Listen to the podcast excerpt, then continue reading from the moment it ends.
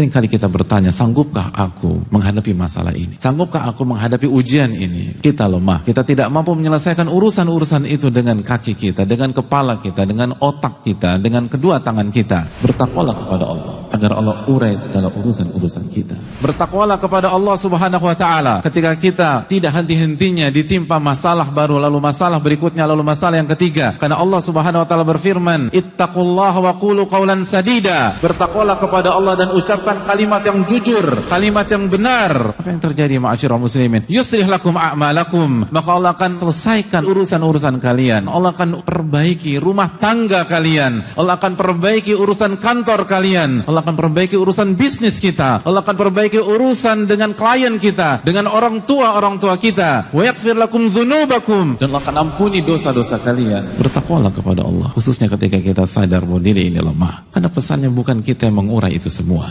serahkan kepada Allah biar Allah selesaikan dan perbaiki urusan-urusan itu.